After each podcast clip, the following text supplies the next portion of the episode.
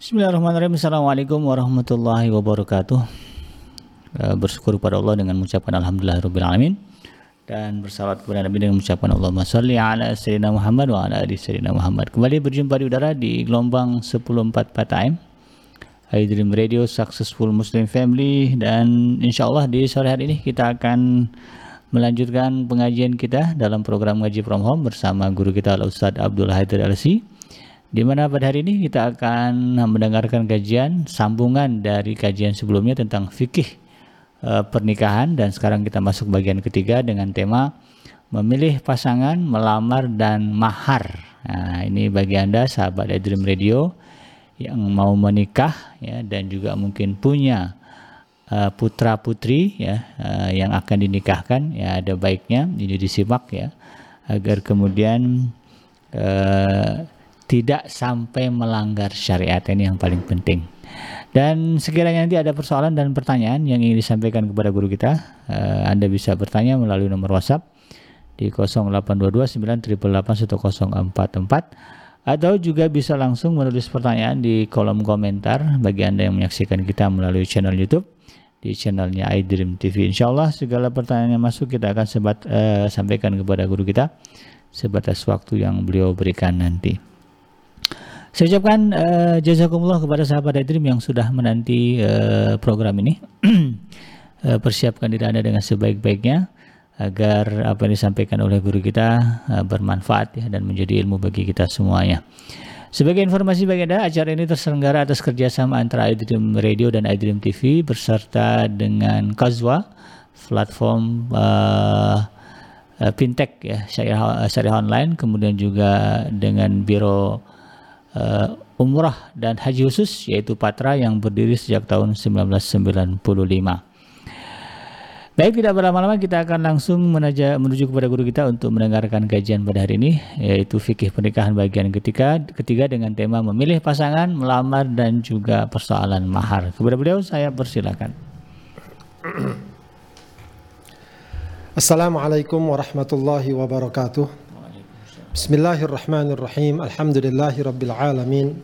Wassalatu wassalamu ala sayyidina Muhammadin wa ala alihi wa ashabihi ajma'in amma ba'd.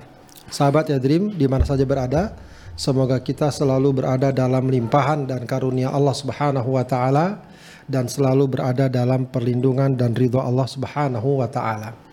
Baik, sahabat ya Dream sekalian, kita akan melanjutkan masih dalam fikih pernikahan ya setelah kita sudah membahas tentang kedudukan nikah dan siapa saja yang tidak boleh ya kita nikahi ya uh, kemudian uh, kita akan membahas uh, tentang apa namanya uh, proses ya atau perkara-perkara uh, yang akan mengantarkan kita ke gerbang pernikahan ya di sini ada beberapa tema yang penting ya untuk kita kenal dan kita ketahui. Ya, pertama adalah bagaimana kita memilih pasangan atau calon pasangan. Bagaimana kita mengenalinya, ya, dikenal juga dengan istilah ta'aruf ya. Ya, ta'aruf, mengenali calon pasangan atau saling kenal. Ya. Kemudian nanti setelah itu jika sudah ada kecocokan maka melangkah kepada yang lebih jelas ya yang lebih kuat yaitu melamar atau khidbah dan juga saya masukkan di sini persoalan mahar ya sedikit karena ini nanti uh, sudah betul-betul mempersiapkan untuk pernikah pernikahan. Baik, ada yang dikenal dengan istilah ta'aruf ya.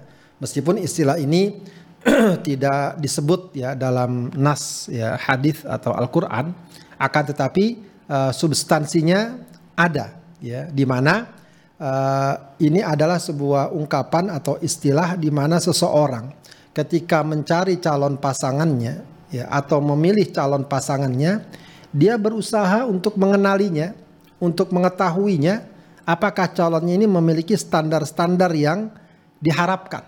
Ya, baik berdasarkan harapan pribadi atau harapan yang memang telah digariskan dalam syari dalam syariat. Ya tentu saja ya dengan catatan tidak bertentangan dengan syariat. Ini yang penting ya.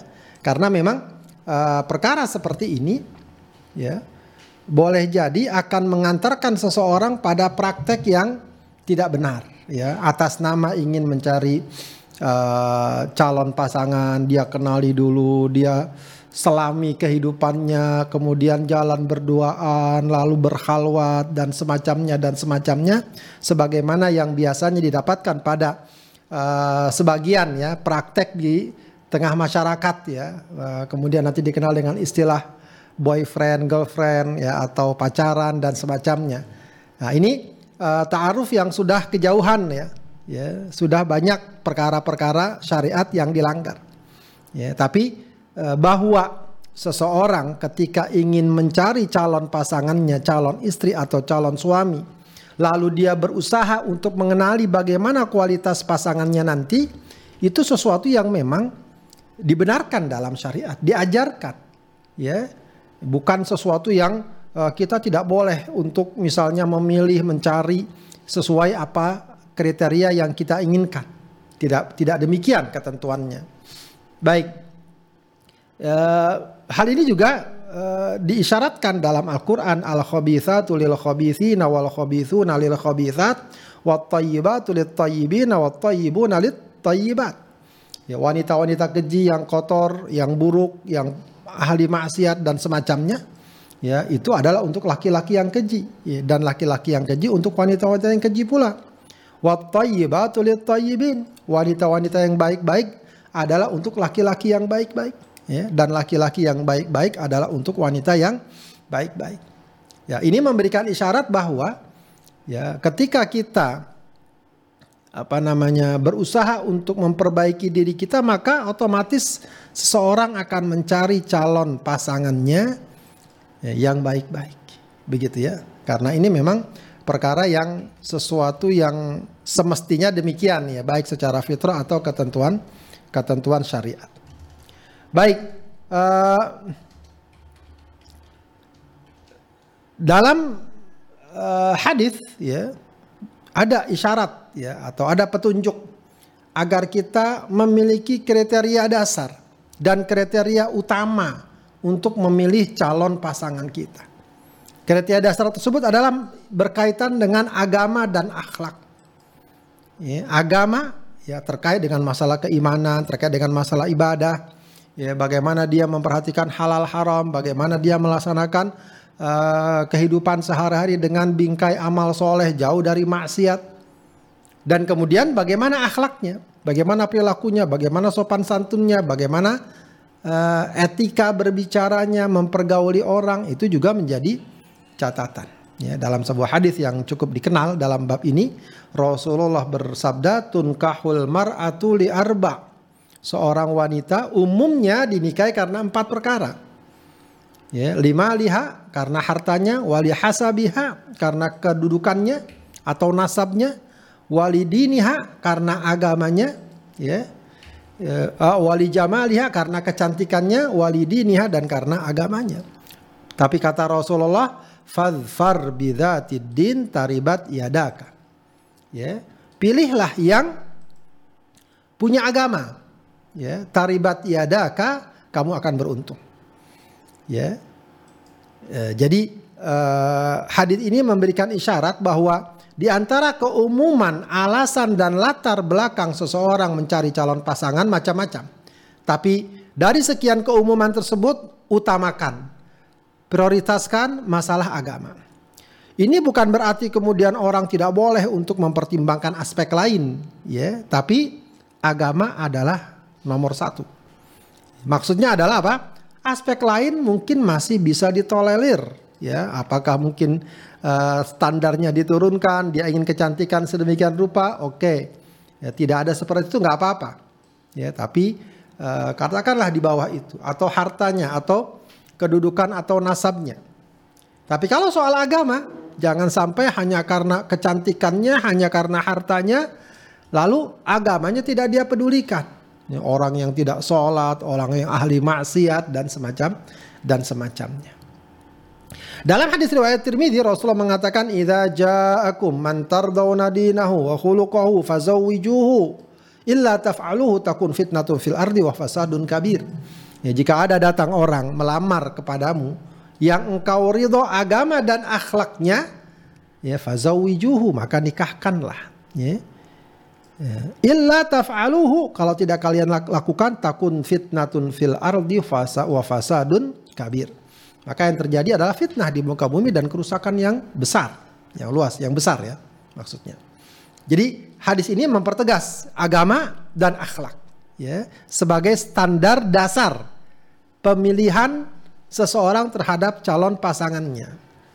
Nah, tentu saja sekali lagi seperti kita katakan bahwa selain pertimbangan dasar ini tidak masalah ya, bukan berarti nggak boleh kita mempertimbangkan oh kurang misalnya kurang tampan misalnya, kurang cantik misalnya, ya kurang apa dia mungkin eh, tidak memenuhi kriteria yang diinginkan, ya materinya dan lain sebagainya. Itu tidak masalah. Ya, tidak masalah. Atau juga dari sosial budayanya. Oh, saya mau dari suku ini, mau dari suku ini. Begitu ya. Atau yang punya latar belakang katakanlah apa istilahnya ya, e, pendidikan tertentu ya, kalau bisa S1, S2 gitu ya. Sekarang sudah ada permintaan seperti itu. Ya, ya. Itu bukan masalah, tidak masalah juga sebenarnya. Tapi dilakukan dengan objektif dan tidak berlebihan. Ya, tidak berlebihan. Oh, pengennya seperti foto model kelas dunia misalnya. Ya, atau seperti inilah itulah ya. Tidak, ya sewajarnya saja. Ya. Oh, dia saya pengennya orang yang sudah bekerja wajar. Ya, dengan standar gaji sekian nggak apa-apa juga ya tapi yang maunya punya gaji gaji sampai yang maunya 50 juta sebulan 100 juta sebulan ya itu kan berat ya itu berat. Jadi tidak mengapa mempertimbangkan pertimbangan-pertimbangan lain dan memang hal itu juga sebenarnya ada landasan syariatnya ya. Ya, yang sejajar ya namanya kalau dalam bahasa fikih namanya sukufu ya. Dari faktor latar belakang budaya, suku, kabilah begitu ya. Uh, kemudian derajat latar belakang apa profesi dan semacam itu ada memang. Ya, karena memang kalau terlalu timpang itu juga akhirnya tidak bagus buat keluarga. Yang satu katakan dari turunan ningrat dengan kedudukan yang tinggi, dengan kepandaian, profesi dan seterusnya. Yang satu orang yang sangat jauh begitu ya, uh, lulus SD aja tidak misalnya dengan, ya itu tentu saja sangat jauh. Ya, kalaupun dipaksakan, ya bisa jadi akan berat untuk mengarungi kehidupan rumah tangga. Ya, jadi memang bukan berarti perkara ini uh, ditutup betul. Pokoknya yang penting agama orangnya soleh, kemudian akhlaknya baik, selesai. Tidak. Ya, ha, hendaknya diberikan ruang seseorang untuk memilih berdasarkan faktor-faktor tadi. Tapi yang harus diingat ada ya kriteria dasar yang harus dipegang. Agama dan akhlak. Gitu ya. Agama dan akhlak. Yang salah tentu saja adalah kalau perkara ini diabaikan demi yang lain demi hartakah, demi kedudukankah, demi sukukah dan seterusnya. Begitu ya. Baik, ada beberapa poin-poin ya terkait dengan bagaimana kita memilih calon pasangan. Pertama, yang paling pertama adalah azam yang kuat untuk menikah dan memohon petunjuk Allah serta mematutkan diri. Jadi uh, orang bagusnya sudah ingin memilih itu ketika sudah ada azam menikah. Kalau masih belum menikah, lalu sudah pilih-pilih, oh si ini nih bagus nih, si ini bagus. Dia sendiri belum siap menikah. Ya, atau belum ada keinginan kuat untuk segera menikah. Maka jangan jangan lakukan hal itu. Ya, sebab kalau itu dilakukan, dia sendiri tidak ingin menikah dalam waktu dekat dan seterusnya. Ya, lalu misalnya ada seseorang yang sudah dia inginkan, ya, itu nanti bisa menjadi fitnah ya apakah nanti dia bisa jadi akan kepikiran terus atau mereka jadi melakukan hubungan uh, katakanlah percintaan asmara di luar nikah dan semacamnya ya jadi yang pertama kuatkan dulu azam oh sudah ingin menikah ya, sebab kalau kalau sekedar ingin pasti seumumnya orang sudah menikah ingin ya menikah katakan dia sudah balik sudah punya ketertarikan dengan ada lah hal-hal seperti itu tapi yang dimaksud di sini azam sudah memang uh, tekadnya sudah ditegaskan mau menikah. Misalnya saya mau menikah nih tahun ini. Nah itu bolehlah dia mencoba mencari siapa calon yang diingin diinginkan. Ya, jangan dia sendiri nggak kepikiran mau menikah tapi sudah mencari calon itu nanti akhirnya akan membuat dia uh, berat sendiri. ya. Sudah ada calonnya. Loh tapi nikahnya nanti mau lama-lama. Nah, itu nanti akan membuat fitnah eh, dalam kehidupan dalam kehidupannya. Dan dia terus mohon kepada Allah minta petunjuk kepada Allah berikan pilihan yang terbaik yang terbaik. Dan mematutkan diri sudahlah mulain karena dia sudah mau masuk uh, pingin menikah mulailah dia patutkan diri dia sikapnya pergaulannya ya sudah saya sudah mau waktunya untuk menikah. Maka dia mencoba mematutkan diri kita kalau dia misalnya seorang laki-laki maka dia sudah berusaha ya bagaimana kalau nanti saya jadi kepala rumah tangga kalau dia seorang wanita bagaimana nanti kalau nanti saya jadi seorang istri. Ya sudah mulai ya me, me, apa istilahnya ya mengadaptasikan dirinya ya men, mencocokkan diri ya seakan-akan dia sudah akan siap menjadi seorang istri bagaimanakah dia misalnya uh, katakanlah pandai merapikan rumah dan seterusnya, mungkin memasak dan semacamnya dan tentu saja perkara-perkara keimanan dan ibadah pada Allah. Ya, ya kalau orang laki ya, mematutkan diri ya misalnya dia sudah harus ya ada juga lah ya kerjaan atau penghasilan untuk memberikan nafkah bagi keluarga begitu ya sikap dan perilakunya ya, juga harus sudah mulai ya eh, lebih bersikap dewasa ya karena repot kalau orang masuk kehidupan rumah tangga sikapnya masih kata-katakan kanak-kanak gitu ya.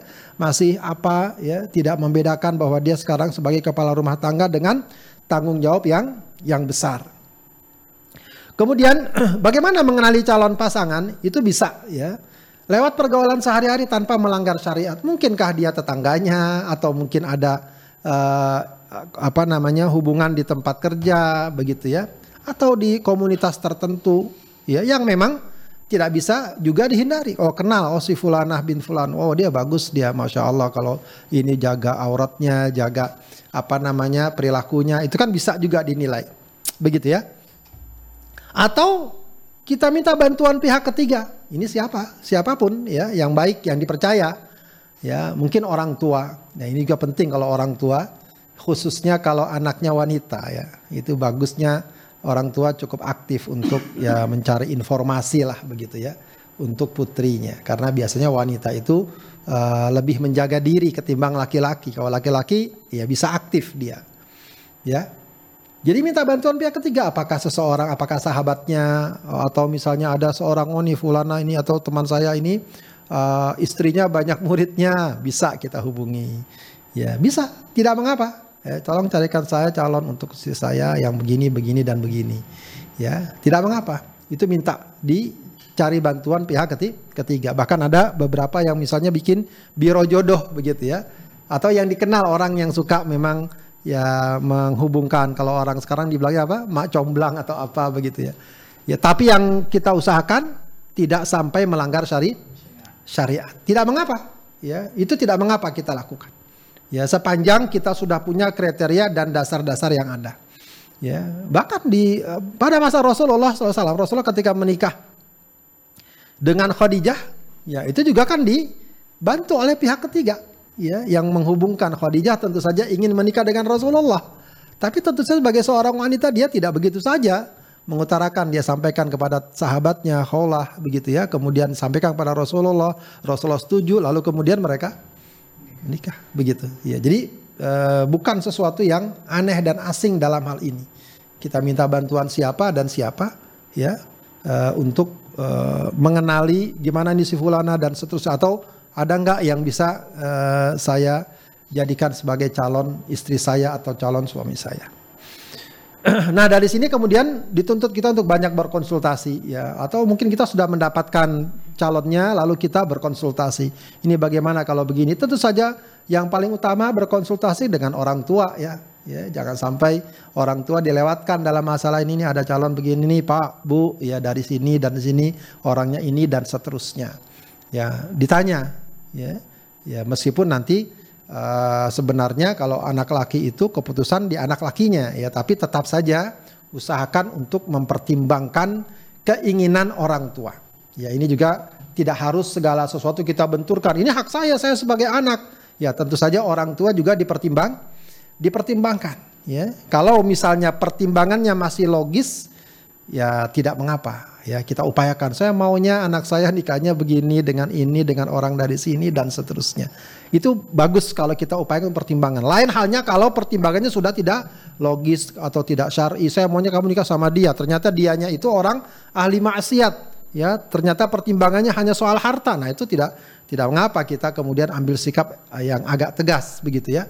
Ya, tapi kalau pertimbangan-pertimbangan tertentu ya yang masih bisa kita upayakan dan itu bukan sesuatu yang melanggar syariat hendaknya diupayakan agar ada kompromi keinginan anak dengan orang tu dengan orang tua. Kemudian kita minta konsultasi ke teman kita, ke guru kita dan seterusnya ya, agar uh, kita mendapatkan beberapa masuk masukan. Siapa tahu ada hal yang tidak kita tahu. Ya, ternyata oh berdasarkan informasi yang saya tahu dia begini-begini orangnya. Bisa jadi demikian. Ya, seorang wanita sahabat datang pada Rasulullah, ya Rasulullah si fulan fulan ini bagaimana dia datang? Oh, kalau dia ini orangnya galak sama wanita. Kalau dia ini orangnya uh, apa namanya pelit gitu ya, tidak mau ngasih. Itu tidak mengapa, itu bukan ghibah. Ya, itu memberikan informasi sepanjang informasi itu benar. Bukan karena ada kepentingan tertentu. Begitu ya. Bahkan tidak boleh disembunyikan kalau ada hal-hal yang penting untuk diberitahu ya, ketimbang nanti misalnya uh, rugi atau menyesal di kemudian ha, di kemudian hari. Ya, bahkan dianjurkan juga untuk melihat ya, ya melihat dan mendiskus, mendiskusikan kesepahaman ya. Ya tidak mengapa ada komunikasi sedikit ya untuk memastikan ya atau paling tidak bisa melihat atau mendiskusikan kesepahaman nih bagaimana ya tidak mengapa. Kalau bisa memang ada pihak ketiga yang membantu ya yang membantu diskusi dulu ternyata ya bisa gitu ya bisa jadi mungkin nanti ada oh saya pengen kuliah dulu oh saya nggak apa-apa kuliah uh, tapi begini dan begini misalnya Eh, ada hal-hal yang bisa didiskusikan uh, dalam beberapa hal. Itu tidak mengapa, sepanjang memang tujuannya untuk menikah. Ya, melihat, saling melihat tidak mengapa. Ya, ya saling melihat tidak tidak mengapa. Itu juga sesuatu yang diajarkan dalam syariat. Ya, ada nanti hadisnya kita baca. Ya, uh, kata Rasulullah, "Idza khataba ahadukum ra'atan fala junaha alaihi an yanzura ilaiha." Jika seorang jika di antara kalian uh, melamar seorang wanita maka tidak mengapa dia melihatnya. Idza kana innama yanzuru ilahi al khitbah. Kalau tujuannya untuk me melamar wa in kana telah ta'lam walaupun orang wanita itu nggak tahu. Ya jadi uh, tujuannya udah pengen melamar. Ya bukan wah di satu-satu dilihatin satu-satu begitu. Tidak. Ya. Tapi sudah ada niat dan tujuan khusus. Ya jangan cuma sekedar iseng saja dan semacam dan semacamnya. Ya. Nah kemudian katakanlah dari semua poin itu sudah mengerucut pada satu nama. Oh si fulanah binti fulan.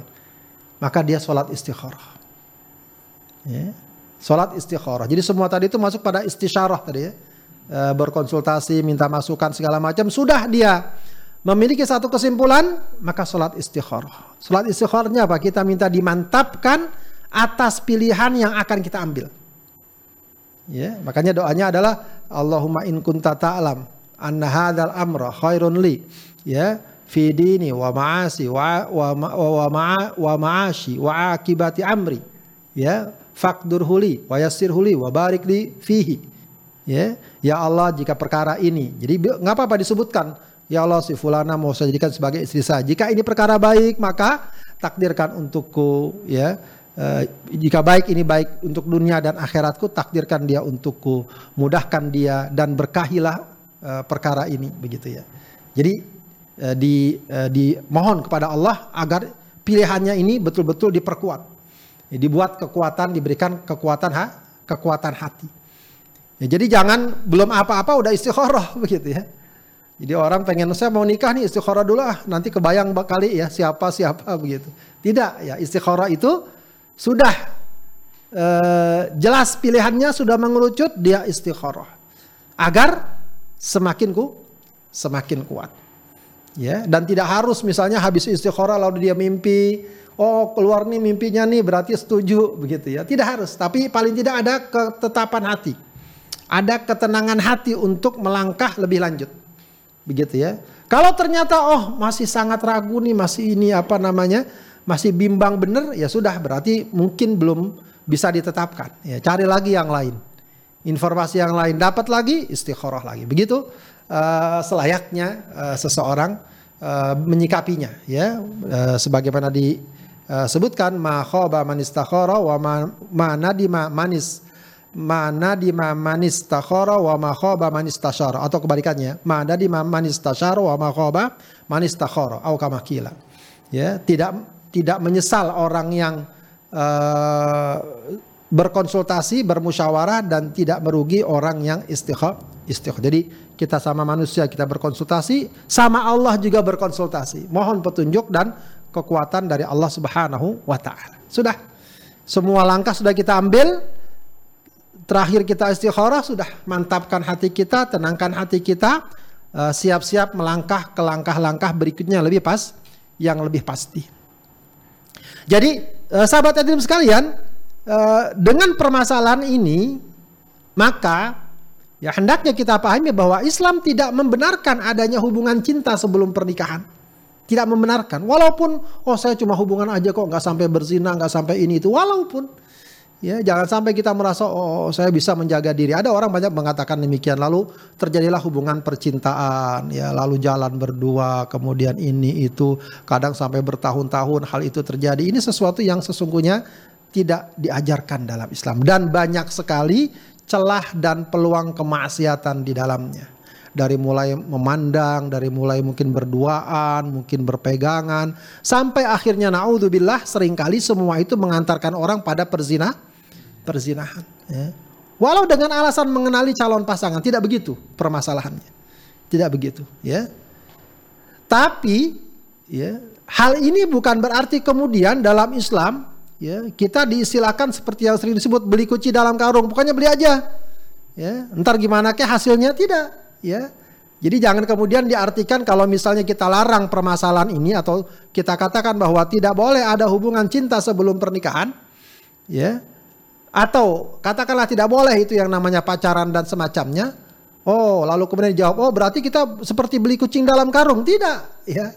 Tidak demikian kesimpulannya. Kita boleh melihat, kita boleh memilih, kita boleh memiliki kriteria pasangan kita dan seterusnya. Kita boleh mengatakan, oh saya nggak bisa ini. Ya, itu sesuatu yang wajar saja. Baik dari pihak laki, dari pihak perempuan. Ya, dari pihak laki dia saudarakan nih ada uh, seorang wanita muslimah nih, kamu cocok nggak? Dilihat-lihat-lihat, oh nggak cocok. Ya sudah nggak apa-apa. Hak setiap orang.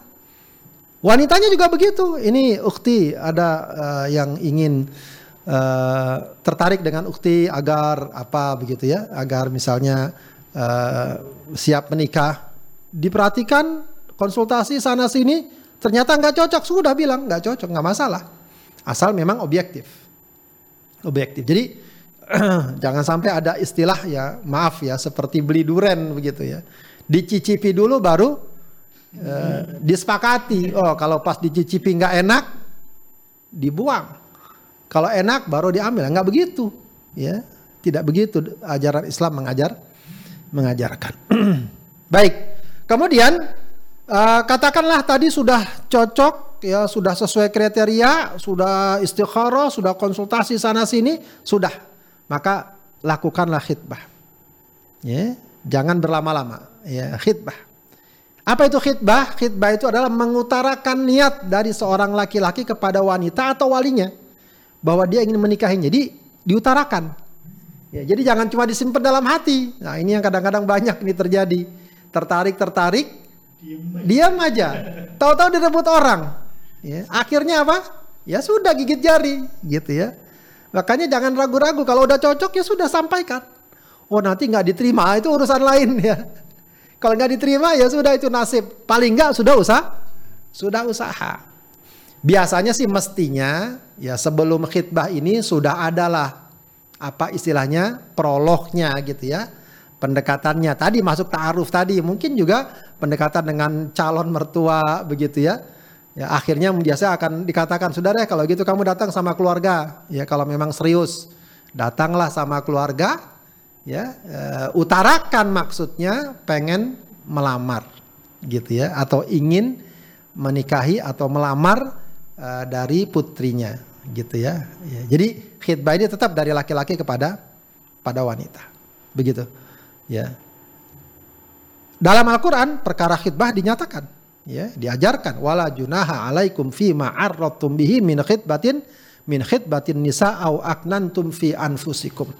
Ya, dan tidaklah berdosa bagi kalian meminang wanita-wanita itu dengan sindiran ya atau ya kamu menyembunyikan keinginan mengawini mereka dalam hatimu. Ya, jadi memang eh, khitbah ini nanti ada yang dengan bahasa sindiran, ada yang dengan bahasa jelas ya, bahasa soreh ya, yang jelas dan terungkap. Jadi uh, khitbah ini menunjukkan uh, sebuah upaya ya yang menggambarkan tentang ya keluhuran manusia bahwa ini sesuatu yang besar, enggak tiba-tiba langsung kita akad tidak, tapi ada semacam mukaddimah ya, ada semacam prolog yang yang sedikit demi sedikit mengantarkan seorang pada kehidupan rumah tangga. Sebab kalau tiba-tiba langsung aja akad nikah begitu, eh, kayaknya kayak seperti apa begitu ya.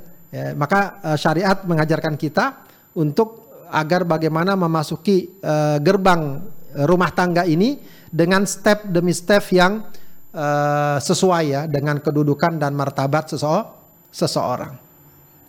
Baik, beberapa ketentuan khidbah, ya, khidbah atau melamar itu sifatnya hanya penegasan atau semacam janji untuk menikahi. Jadi ini uh, sebenarnya khidbah ini nggak ada ikatan yang yang spesifik. Ya, jadi dia semacam penegasan saja dan janji untuk menikahi. Selebihnya dan nggak ada konsekuensi hukum ya, yang yang sebagaimana konsekuensi dalam pernikahan. Ya, jadi orang yang sudah dilamar tuh dia tetap sebagaimana sebelumnya laki perempuan hubungan laki perempuan dalam Islam ya. ya jangan orang habis dilamar lalu dibawa ke sana kemari ke sana kemari ya seakan-akan sudah seperti suami istri bahkan sampai bermalam sampai berduaan itu tidak dibenarkan. Tidak dibenar? Jadi secara hukum tidak ada konsekuensi apa-apa. Katakanlah ya la sama Allah mudah-mudahan tidak terjadi. Ketika masa lamaran itu masih ada belum nikah meninggal. Salah satunya ya udah nggak ada konsekuensi apa apa nggak ada ahli nggak ada warisan nggak ada apa namanya uh, uh, konsekuensi hukum yang lain tidak ada. Begitu ya tidak ada maka tetap tidak boleh berduaan berpegangan membuka aurat begitu ya. Ya sebagaimana yang um, ke, ketentuan umum yang berlaku bagi laki dan perempuan. Baik jika pihak wanita menerima lamaran maka tidak boleh ada pihak lain yang melamar wanita tersebut. Ya ini sudah jelas ada hadis Rasulullah SAW yang melarang seseorang untuk melamar lamaran saudaranya. Ya karena itu nanti akan menimbulkan keributan kekacauan. Ya wanita juga begitu dia sudah dilamar oleh seorang lalu ada orang lain datang melamarnya. Diterima juga nggak boleh. Ya sudah tahu dia dilamar sudah dilamar oleh seorang. Begitu ya. Makanya memang bagusnya nanti antara khidbah dengan akad nikah jangan terlalu lama. Ini yang kadang-kadang jadi celah dan peluang yang cukup besar. Ya oh udah dilamar sudah. Kapan nikahnya? Tiga tahun lagi.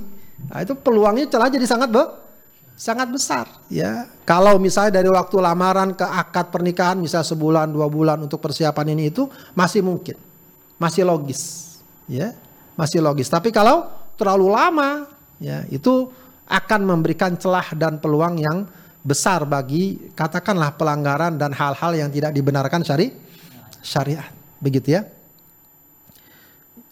Nah, kecuali eh, kalau ada yang melamar lagi, lamaran pertama dia batalkan, ya, saya batalkan. Ya, meskipun ini tentu eh, perkara ya membatalkan lamaran, ya perkara membatalkan lamaran itu tidak masalah sebenarnya. Jadi lamaran dibatalkan, cuma ya selayaknya itu mempertimbangkan hal-hal yang ada. Jadi bagusnya memang lamaran itu sudah fix betul, ya sudah fix betul mempertimbangkan segala hal. Sebab kalau sampai dibatalkan tentu akan menimbulkan kesan yang sangat buruk. Ya, kesan yang sangat yang sangat buruk begitu ya. Meskipun kalau itu terjadi ya sudah apa boleh buat. Katakanlah ada satu sebab tersebut yang satu sebab tertentu yang tidak mungkin dihindar dihindari dibatalkan ya sudah. Ya, tidak ada konsekuensi apa-apa, ya.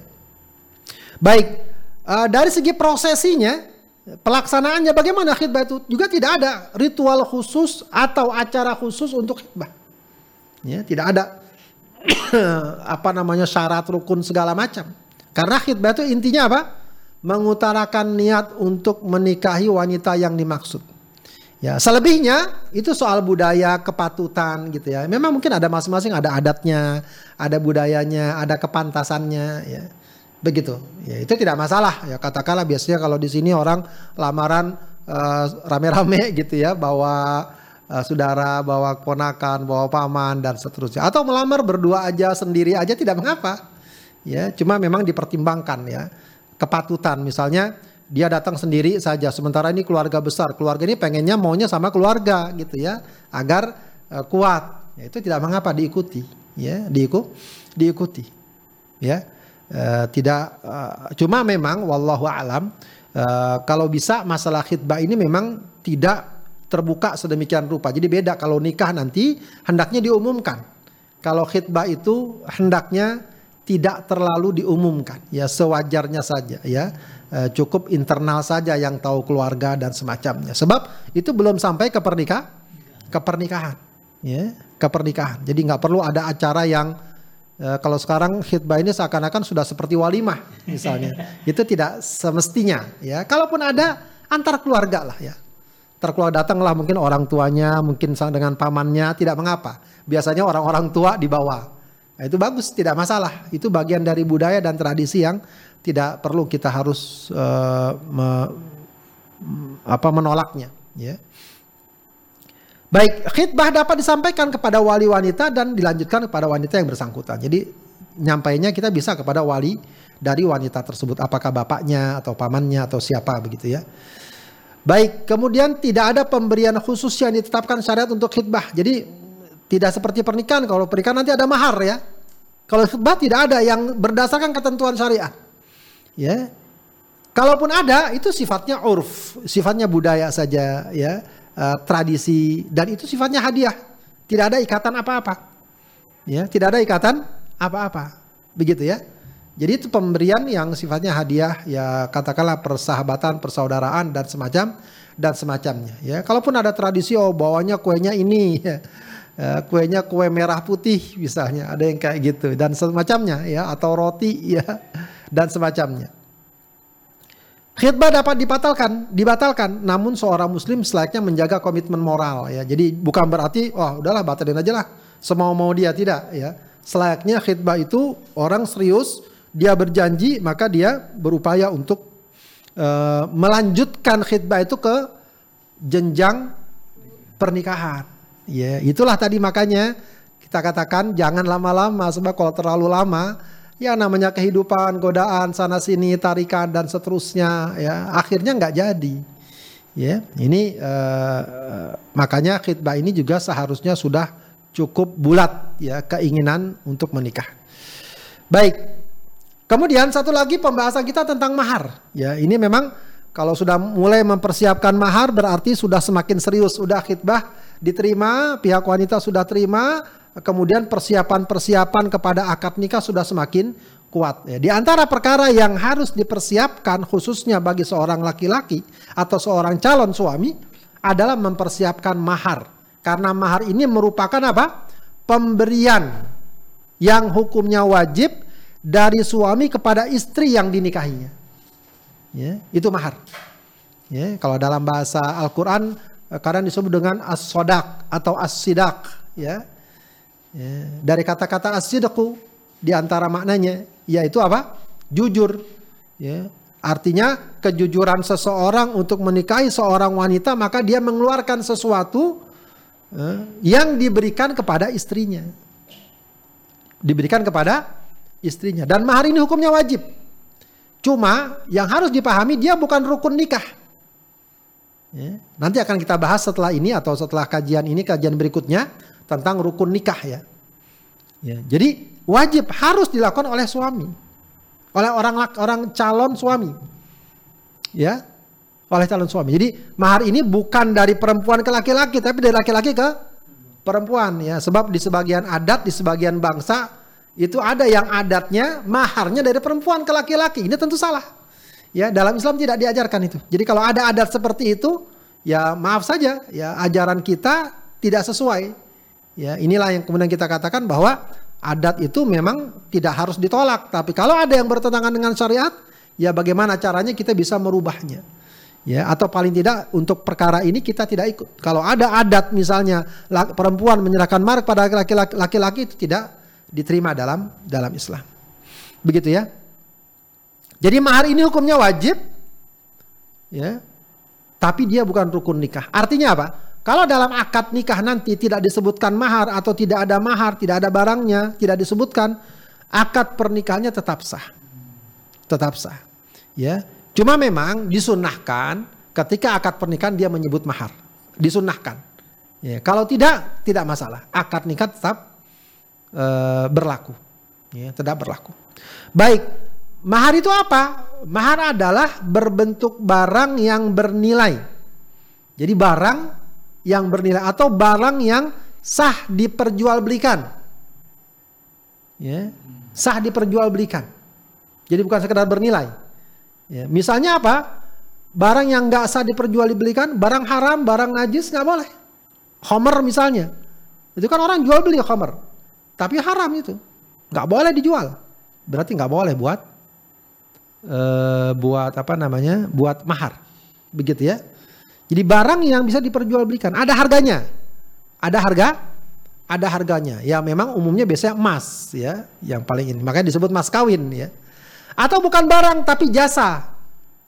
Ya, udah deh kalau gitu maharnya saya nggak punya uang tapi saya bisa melakukan sesuatu yang ada nilainya, ada upahnya. Misalnya saya bangunin rumah gitu ya. Bahannya dari kamu saya yang bangunin gitu. Dia rupanya tukang bangunan misalnya, tidak mengapa. Atau saya mengajarkan, mengajarkan kan ada upahnya. Itu yang dilakukan oleh Rasulullah kepada seorang sahabat yang gak punya apa-apa. Lalu kata Rasulullah, kamu punya hafalan Quran? Punya. Ajarkan nanti calon istri kamu. Itu jadi maharnya. Kenapa? Mengajarkan Al-Quran ada upahnya. Nah upahnya itu yang jadi mah jadi mahar. Sebagaimana Nabi Musa alaihissalam ketika menikah dengan uh, dua, uh, dua ya saat uh, apa wanita negeri Madian, maka calon mertuanya bilang ya sudah kamu boleh maharnya dengan bekerja sama aku berapa? Tujuh tahun dan bahkan jadi 10 tahun begitu ya. ya itu jasa namanya. Ya, jasa boleh. Ya. Jadi jangan mahar itu sesuatu yang tidak ada harganya. Tidak ada nilai. Saya menikahi kamu ya dengan mahar uh, apa namanya uh, se apa daun pisang. Daun pisang masih ada harganya ya. Daun apa begitu ya yang gak ada harganya gitu ya. Itu nggak boleh ya. Uh, kalau bahkan dalam madhab Hanafi wallahu alam mereka batasa itu. Ada nggak boleh kurang dari 10 dirham ya. Uh, jumhur ulama juga mengatakan sunnahnya jangan kurang dari 10 dirham. Begitu ya. Baik. Uh, nilainya tidak diterapkan. Berapa maksimalnya? Tidak. Cuma saja para ulama menetapkan jangan berlebih-lebihan Ya, jangan berlebihan, jangan terlalu mahal sekali, mahal. Ya, walaupun dia mampu, ya, uang yang wajar saja. Apalagi kalau ditetapkan orang nggak mampu. Ya, baik kamu mau nikahi putri saya, iya, tapi maharnya 100 juta ya. Dia aja gajinya cuma juta dua juta, gimana maharnya 100 juta? Ya, akan memberatkan. Akan memberat, memberatkan. Jadi jangan berlebihan, tapi jangan seadanya. Ya. Dia gajinya katakan 5 juta, 10 juta. Maharnya cuma sepasang sendal yang harganya 10 ribu. Itu itu eh, terlalu apa namanya di bawah standar. Ya, di bawah stand di bawah standar. Ya, jadi maksudnya bukan berarti kemudian uh, kita semuanya tidak. Tapi yang wajar yang layak yang sekiranya uh, dapat menjadi pegangan seorang istri. Ya Rasulullah itu kata Aisyah radhiyallahu anha menikahi istri-istrinya rata-rata maharnya itu adalah 12 ukiyah wanis wanasya ya 12 ukiyah setengah yang kalau dikumpulkan atau dihitung jumlahkan itu 500 dirham. Itu Rasulullah. 500 dirham. Ya, uh, apa namanya kalau uh, nisab perak itu kan 200 dirham. Ya, walau alam saya pernah berhitung 200 dirham itu sekitar 5 atau 6 juta untuk ukuran sekarang.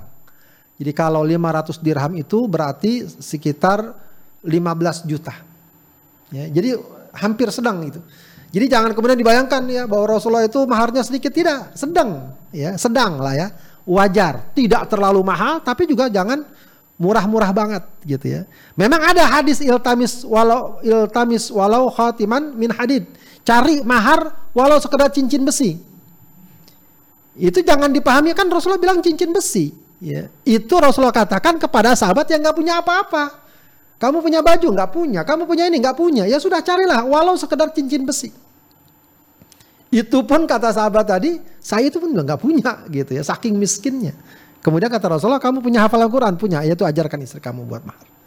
Begitu ya. Jadi jangan kemudian perkara ini dijadikan sebagai uh, perkara yang berlebihan atau kekurangan. Memang wanita yang paling baik adalah yang paling mudah maharnya. Jadi jangan mempersulit. Oh saya bisa mahar cuma segini ya nggak apa-apa, ya nggak apa-apa, ya setidaknya masih berhar berharga. Dan mahar layaknya disepakati sebelumnya di antara kedua belah. Jadi sebelum sebelum menikah mahar itu bagusnya disepakati. Saya nanti kalau mau menikah maharnya segini ya gimana? Kalau wanita tadi menolak, jika itu masih wajar nggak apa-apa. Oh, saya tambah lagi dong maharnya gitu ya. Misalnya apa? Standar mahar di daerah itu katakanlah, ya ini makan disebut nanti namanya al-maharul misli. Mahar yang umumnya diberikan kepada wanita di daerah itu. Katakanlah di sini ya, di tempat di iDream ini di Depok misalnya. Dari beberapa akad pernikahan maharnya kisarannya katakan 10 juta 20 juta. Lalu sang calon suami mengatakan e, saya mahar 1 juta ya. Boleh saja seorang wanita mengatakan ah, di sini biasa mahar sekitar 10 juta itu nggak apa-apa. Jadi calon suami jangan langsung mengatakan oh matre ini calon istri saya tidak. Itu wajar. Lain kalau dia nuntutnya misalnya berapa 50 juta, 100 juta di, di atas keumuman. Itu pun juga dipertimbangkan suami. Kenapa wanita mengatakan demikian? Karena tahu bahwa calon suaminya gajinya sekian misalnya. Uh, atau paling tidak dia sudah mengira bahwa itu mampu dilakukan oleh suaminya. Ya, jadi tidak mengapa. Meskipun kalau seandainya ya nggak apa-apa saya terima. Ya, yang penting saya bukan masalah ininya jumlah mahar tapi masalah pernikahannya agar berkah dan seterusnya. Nah itu bagus kalau itu memang dia lakukan. Begitu ya. Ya ini yang uh, landasan Al-Quran tentang mahar wa atu an-nisa'a nanihlah. Ya. Jadi ketika kalian menikah maka berikan mas kawin mahar kepada wanita yang kamu nikahi sebagai pemberian dengan penuh kerelaan ya dalam hadis riwayat Ahmad Rasulullah mengatakan inna a'dhaman nikahi ya, ada juga riwayat inna inna a'dhamam ro'ah ya uh, barokatan aisaruhu mu'natan. Sesungguhnya pernikahan yang paling besar berkahnya atau ada riwayat wanita yang paling besar berkahnya adalah yang paling mudah maharnya.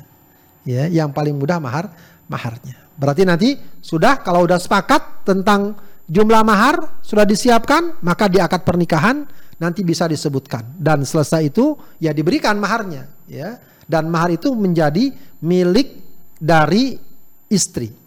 Nggak boleh diambil orang tuanya ngambil, saudaranya ngambil, tidak. Atau suaminya ngambil lagi, tidak boleh. Itu udah jadi milik istri. Kalaupun mau mengambil ya didiskusikan, mungkin butuh suaminya uang, ya didiskusikan, ya. Berarti paling tidak utang sama istri kalau mau diambil lagi. Ya, untuk keperluan tertentu. Baik, uh, sahabat Adim yang dimuliakan Allah Subhanahu wa taala, demikian kajian kita tentang uh, masalah fikih pernikahan ini. Mudah-mudahan bermanfaat ya uh, dan memberikan ya bekalan yang baik bagi kita dalam perkara kehidupan rumah tangga. Assalamualaikum warahmatullahi wabarakatuh. Waalaikumsalam warahmatullahi wabarakatuh. Baik sahabat Adrim yang dirahmati Allah, kita ucapkan uh, jazakumullah kepada guru kita Ustaz Abdullah Haidar Alsi yang sudah menyampaikan materi hari ini tentang uh, memilih pasangan, melamar dan juga persoalan mahar. Mudah-mudahan ini jadi ilmu bagi kita semuanya, bagi yang akan mempraktekkan mudah-mudahan jadi semakin kuat ya tekad untuk uh, menikah. Baik, masih ada waktu kurang lebih uh, kurang lebih 15 menit ke depan bagi Anda sahabat Dream Radio yang ingin bertanya kepada guru kita terkait dengan uh, materi yang disampaikan dipersilahkan bisa melalui nomor WhatsApp di 0822 988 atau juga bisa langsung bagi Anda yang menyaksikan kita melalui channel YouTube dengan menulis pertanyaan di kolom komentar. dan saya ucapkan uh, terima kasih dan jazakumullah juga kepada sahabat Edrim yang sudah menekan tombol like ya dan juga subscribe. Mudah-mudahan jadi amal soleh. Jangan lupa untuk share kepada sahabat, kerabat, program ngaji from home yang ada di iDream Radio sehingga semakin besar pahala yang Anda dapatkan. Baik Ustaz sambil menunggu eh, jika ada kemungkinan jamaah bertanya terkait dengan uh, materi yang disampaikan pada hari ini, saya mengawali diskusi. Ada beberapa catatan yang sudah ingin saya sampaikan Ustaz, sebagai pertanyaan. Yang pertama terkait dengan tadi uh, uh, ketika memilih calon istri atau calon suami Ustaz boleh nggak Ustaz eh, pihak lelaki atau perempuan menanyakan detail tentang kesehatan, kesuburan, termasuk kalau perempuan atau laki-laki tes eh, keperjakaan atau keperawanan, Ustaz. kan ada tuh secara medis eh, tindakan itu eh, untuk ngetes nih masih perawan tidak, masih perjaka tidak itu, boleh nggak? Baik, uh, menanya detail, wallahu alam itu uh, kalau sampai misalnya membuat suasana jadi tidak nyaman, ya sebaiknya bersifat umum saja. Hmm. Ya misalnya kalau kesuburan tinggal dilihat dari orang tuanya, dari saudaranya dan seterusnya, begitu ya.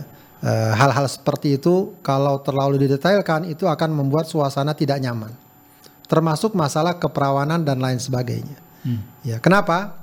Uh, kalau misalnya ya katakanlah dia orang soleh, hmm dia orang orang soleh, wanitanya soleh segala macam. Sudah, ya kita husnuzon masa sampai tidak perawan misalnya. Kalaupun mungkin wallahu alam terjadi itu ada sesuatu yang mungkin ada kecelakaan dan lain sebagainya yang tidak bisa dihindari misalnya. Ya sebab hal-hal kayak gitu nanti suasananya jadi tidak nyaman. Begitu ya. Atau juga keperjakaan segala macam ya. Hal-hal seperti itu agak agak rumit kalau seandainya diterapkan semuanya. Kecuali kalau kesehatan ya. Kesehatan sekarang ini sudah banyak uh, upaya untuk menghindari ya sesuatu yang berat ya katakanlah nanti HIV. ada ya HIV dan lain itu boleh ya itu sesuatu yang mungkin ya karena tuntutan uh, dari pengalaman dari fakta yang terjadi itu memang bisa jadi akan sangat uh, me, apa istilahnya ya uh, merugikan salah satu dari kedua pi ya. dari kedua pihak begitu ya dalam hal ini juga uh, apa istilahnya ya Eh, masing-masing pasangan memang uh, harus jujur kalau ada hal-hal yang mendasar. Hmm. Hal-hal yang mendasar. Ya, maaf ya, misalnya seorang laki-laki sekarang ini banyak ya, ada beberapa kasus ya. Hmm. Seorang laki-laki menikahi seorang wanita ternyata dia bukan orang yang tertarik dengan wanita. Ya ya, sukanya sesama jenis. Suka sama jenis. Nah, ini repot. Ya, dia pengen menikah agar uh, ya mungkin sekedar tuntutan sosial dan semacam ini juga hati-hati juga. Ya, ya artinya apa? Kalau begitu gimana? Ya dia perbaiki dulu, obati dulu dirinya. Ya, uh, apa namanya?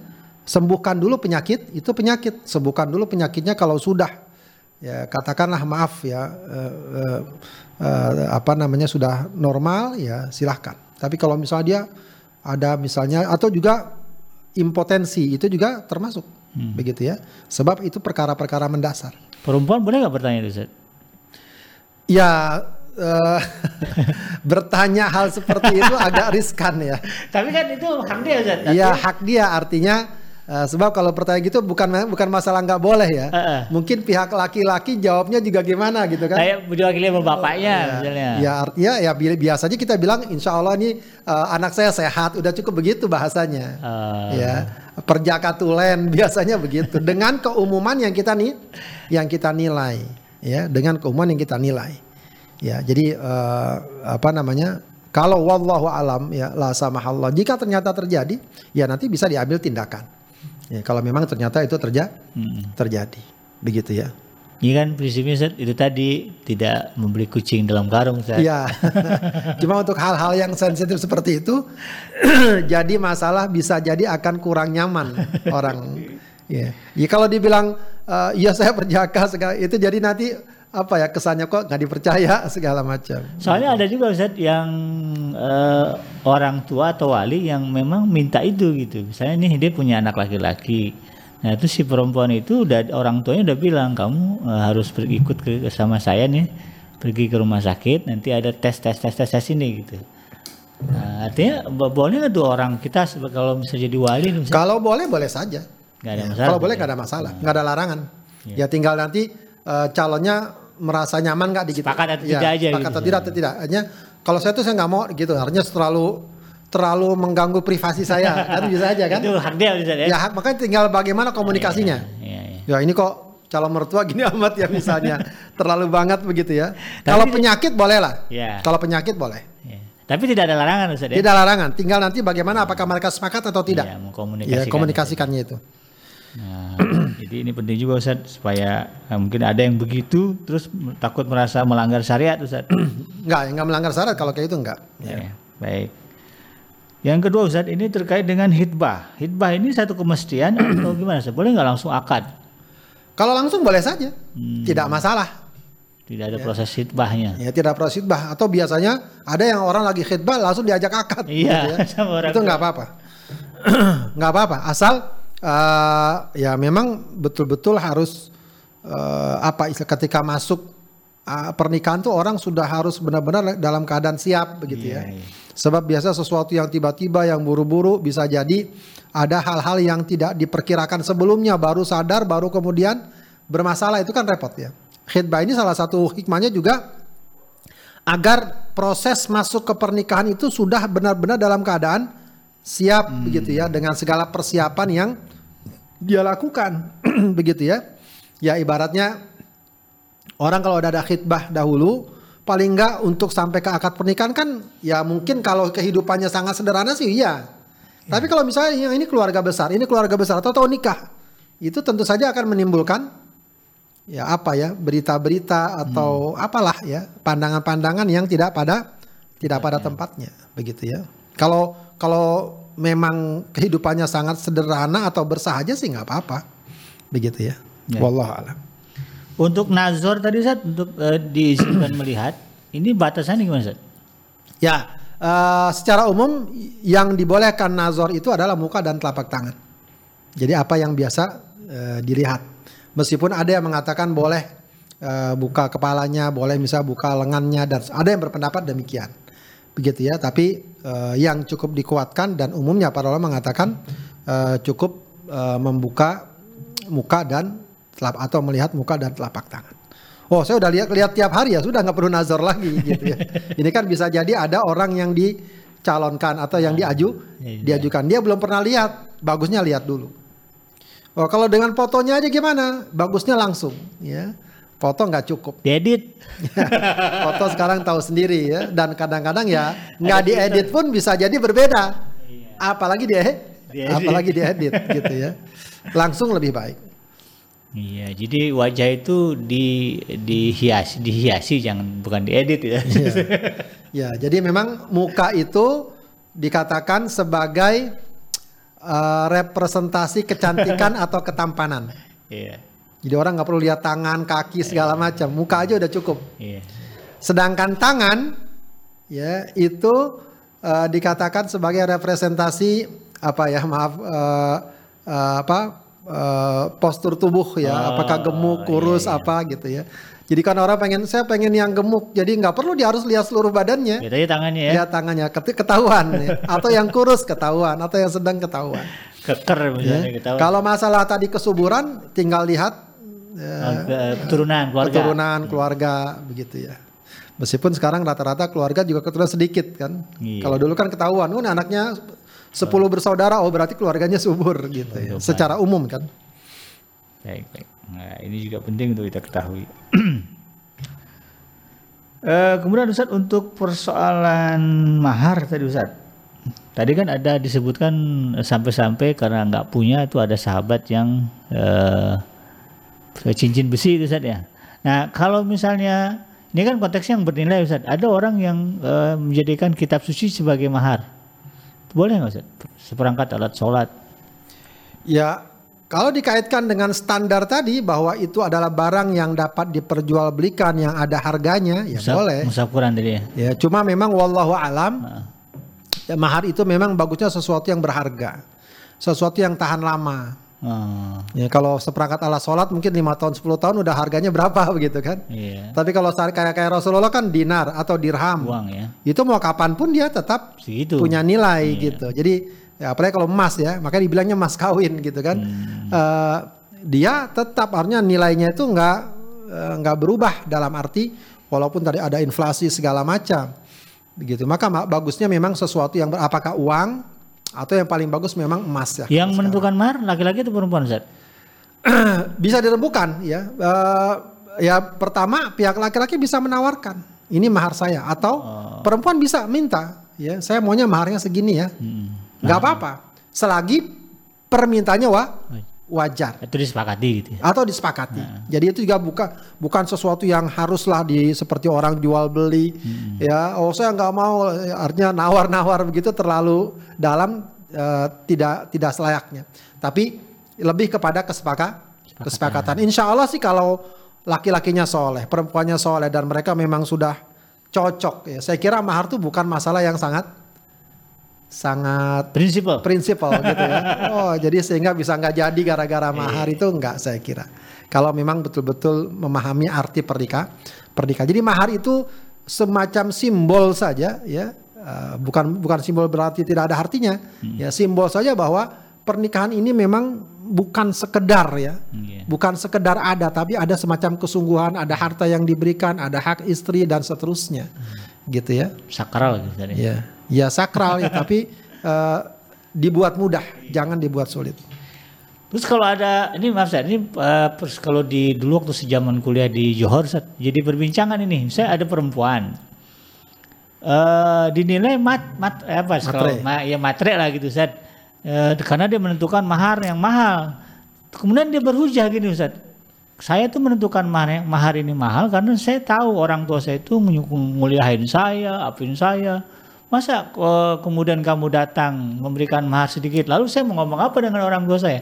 Tujuan dia memberikan mahar itu untuk orang tuanya sebagai balas budi misalnya. Ya, Ibu, itu gimana tuh? Artinya boleh kasih seorang perempuan ber- berpikir begitu? Ustaz?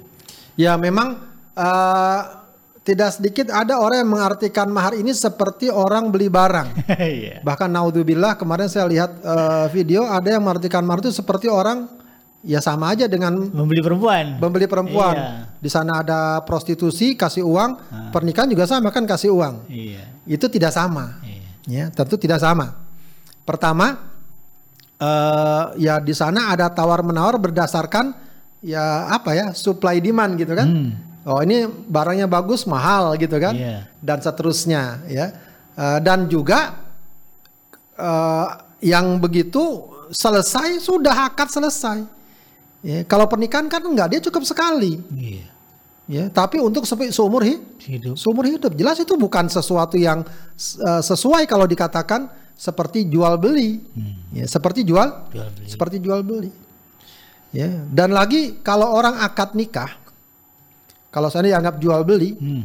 misalnya orang lagi akad nikah nggak disebut maharnya nggak disebut maharnya Iya. akadnya tetap sah beda kalau orang jual beli jual beli Oh, nggak beli bisa. nggak ada uang nggak ada apa Iya. nggak disebut nggak pakai uang segala macam nggak bisa gitu. Ya, jadi sekali lagi mahar nggak sama dengan jual beli. jual beli begitu ya tidak sama ya dia ada sebuah kedudukan yang khusus dan tadi ya sakral memang Iya. ya jadi sekali lagi kalau seorang wanita Hmm. katakan menentukan mahar yang diinginkan itu hak dia Hmm. tapi yang jadi masalah kalau berlebihan Iya. berlebihan gimana pertama berlebihan di luar keumuman yang biasa diberikan di daerah itu Hurufnya. urufnya. Berlebihan juga kalau betul-betul dibawa di atas kemampuan calon suaminya. Eh, Jauh sekali di atas kemampuan. Kalau masih bisa dijangkau masih mungkin. Ya, masih mung Mungkin. masih mungkin. Katakanlah dia penghasilannya setiap bulan 10 juta. Ya, mungkin minta mahar 10 juta, 20 juta masih mungkin lah ya. Iya.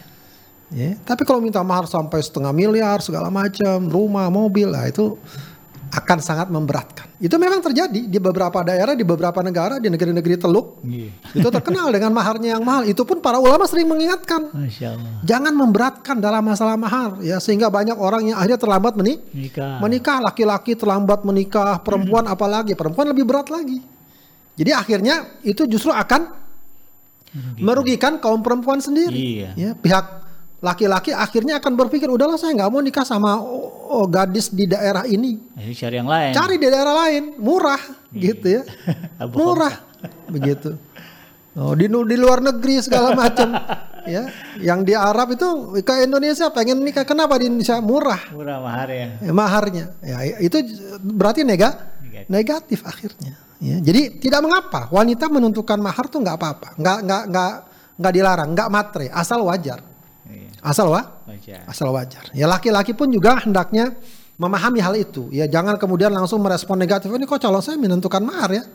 Selagi dia mampu, selagi dia dan itu wajar, usahakan ya, diusaha, Diusaha. diusahakan. Tidak mengapa itu hak dia. Jadi dan itu bukan beli dan jangan kemudian terlalu diu- dal- terlalu diukur ya bahwa dia kan orang tua saya mendidik saya segala ya kalau itu ukurannya susah akhirnya. Ya memang nggak bisa dinilai. Ya itulah nanti eh, pihak suami harus betul-betul menyadari bahwa istrinya ini betul-betul amanah ya sudah dirawat oleh orang tuanya dikasih makan dan seterusnya dewasa kemudian dia ambil sebagai istrinya maka itu eh, harus jadi pelajaran bagi para suami ya bagaimana istrinya ini dahulu dididik dirawat diasuh oleh orang tuanya sedemikian rupa. Dan kini berpindah kualiannya kepada dia itu artinya apa? Setidaknya dia berupaya untuk memperlakukan istrinya sebagaimana dahulu orang tuanya memperlakukan dia sebagai putrinya. Itu harusnya memiliki kesadaran seperti itu. Baik. Eh, jelas sekali ya apa yang disampaikan guru, oleh guru kita terkait dengan persoalan mahar dan eh, hal-hal yang berkaitan dengan apa yang dibahas pada hari ini. Baik sahabat Adri yang dirahmati Allah, waktu sudah eh, pukul 5 lewat 16 menit. Eh, sebelum ditutup, silakan Ustaz membuat closing statement dulu terkait dengan tema pada hari ini. Baik, sahabat adim yang dimuliakan Allah Subhanahu wa taala, salah satu faktor yang cukup mempengaruhi dan sangat menentukan ya pernikahan seseorang adalah ketika eh, tahap demi tahap menuju gerbang pernikahan kita lakukan benar-benar sesuai dengan tuntunan dan ketentuan Allah. Insya Allah itu akan memberikan peran yang sangat besar bagi ya bangunan rumah tangga yang akan kita bangun. Ya, ketika ini kita abaikan dari dari mulai masalah memilihnya, kemudian masalah khidbahnya dan lain sebagainya, itu akan menjadi poin dan ya salah satu sebab bagi rumah tangga yang tidak minimal tidak barokah di sisi Allah Subhanahu wa taala. Maka usahakan bagi yang mau menikah untuk betul-betul mempersiapkan dengan persiapan yang yang baik sesuai dengan tuntunan syariat Allah Subhanahu wa taala. Wallahu a'lam. Demikian sahabat Adrim yang dirahmati Allah, tuntas sudah kebersamaan kita di eh, kesempatan ini. Mudah-mudahan apa yang disampaikan oleh guru kita eh, bermanfaat bagi kita semuanya dan bisa kita amalkan. Eh, saya BKJ beserta guru yang bertugas di kesempatan ini eh, pamit undur dari ruang negara Anda. Mohon maaf atas segala kehilafan dan kekurangan. Subhanaka Allahumma rabbana wa bihamdika asyhadu an la ilaha illa anta astaghfiruka wa atubu ilaik. Walhamdulillahirabbil alamin. Wassalamualaikum warahmatullahi wabarakatuh. Waalaikumsalam.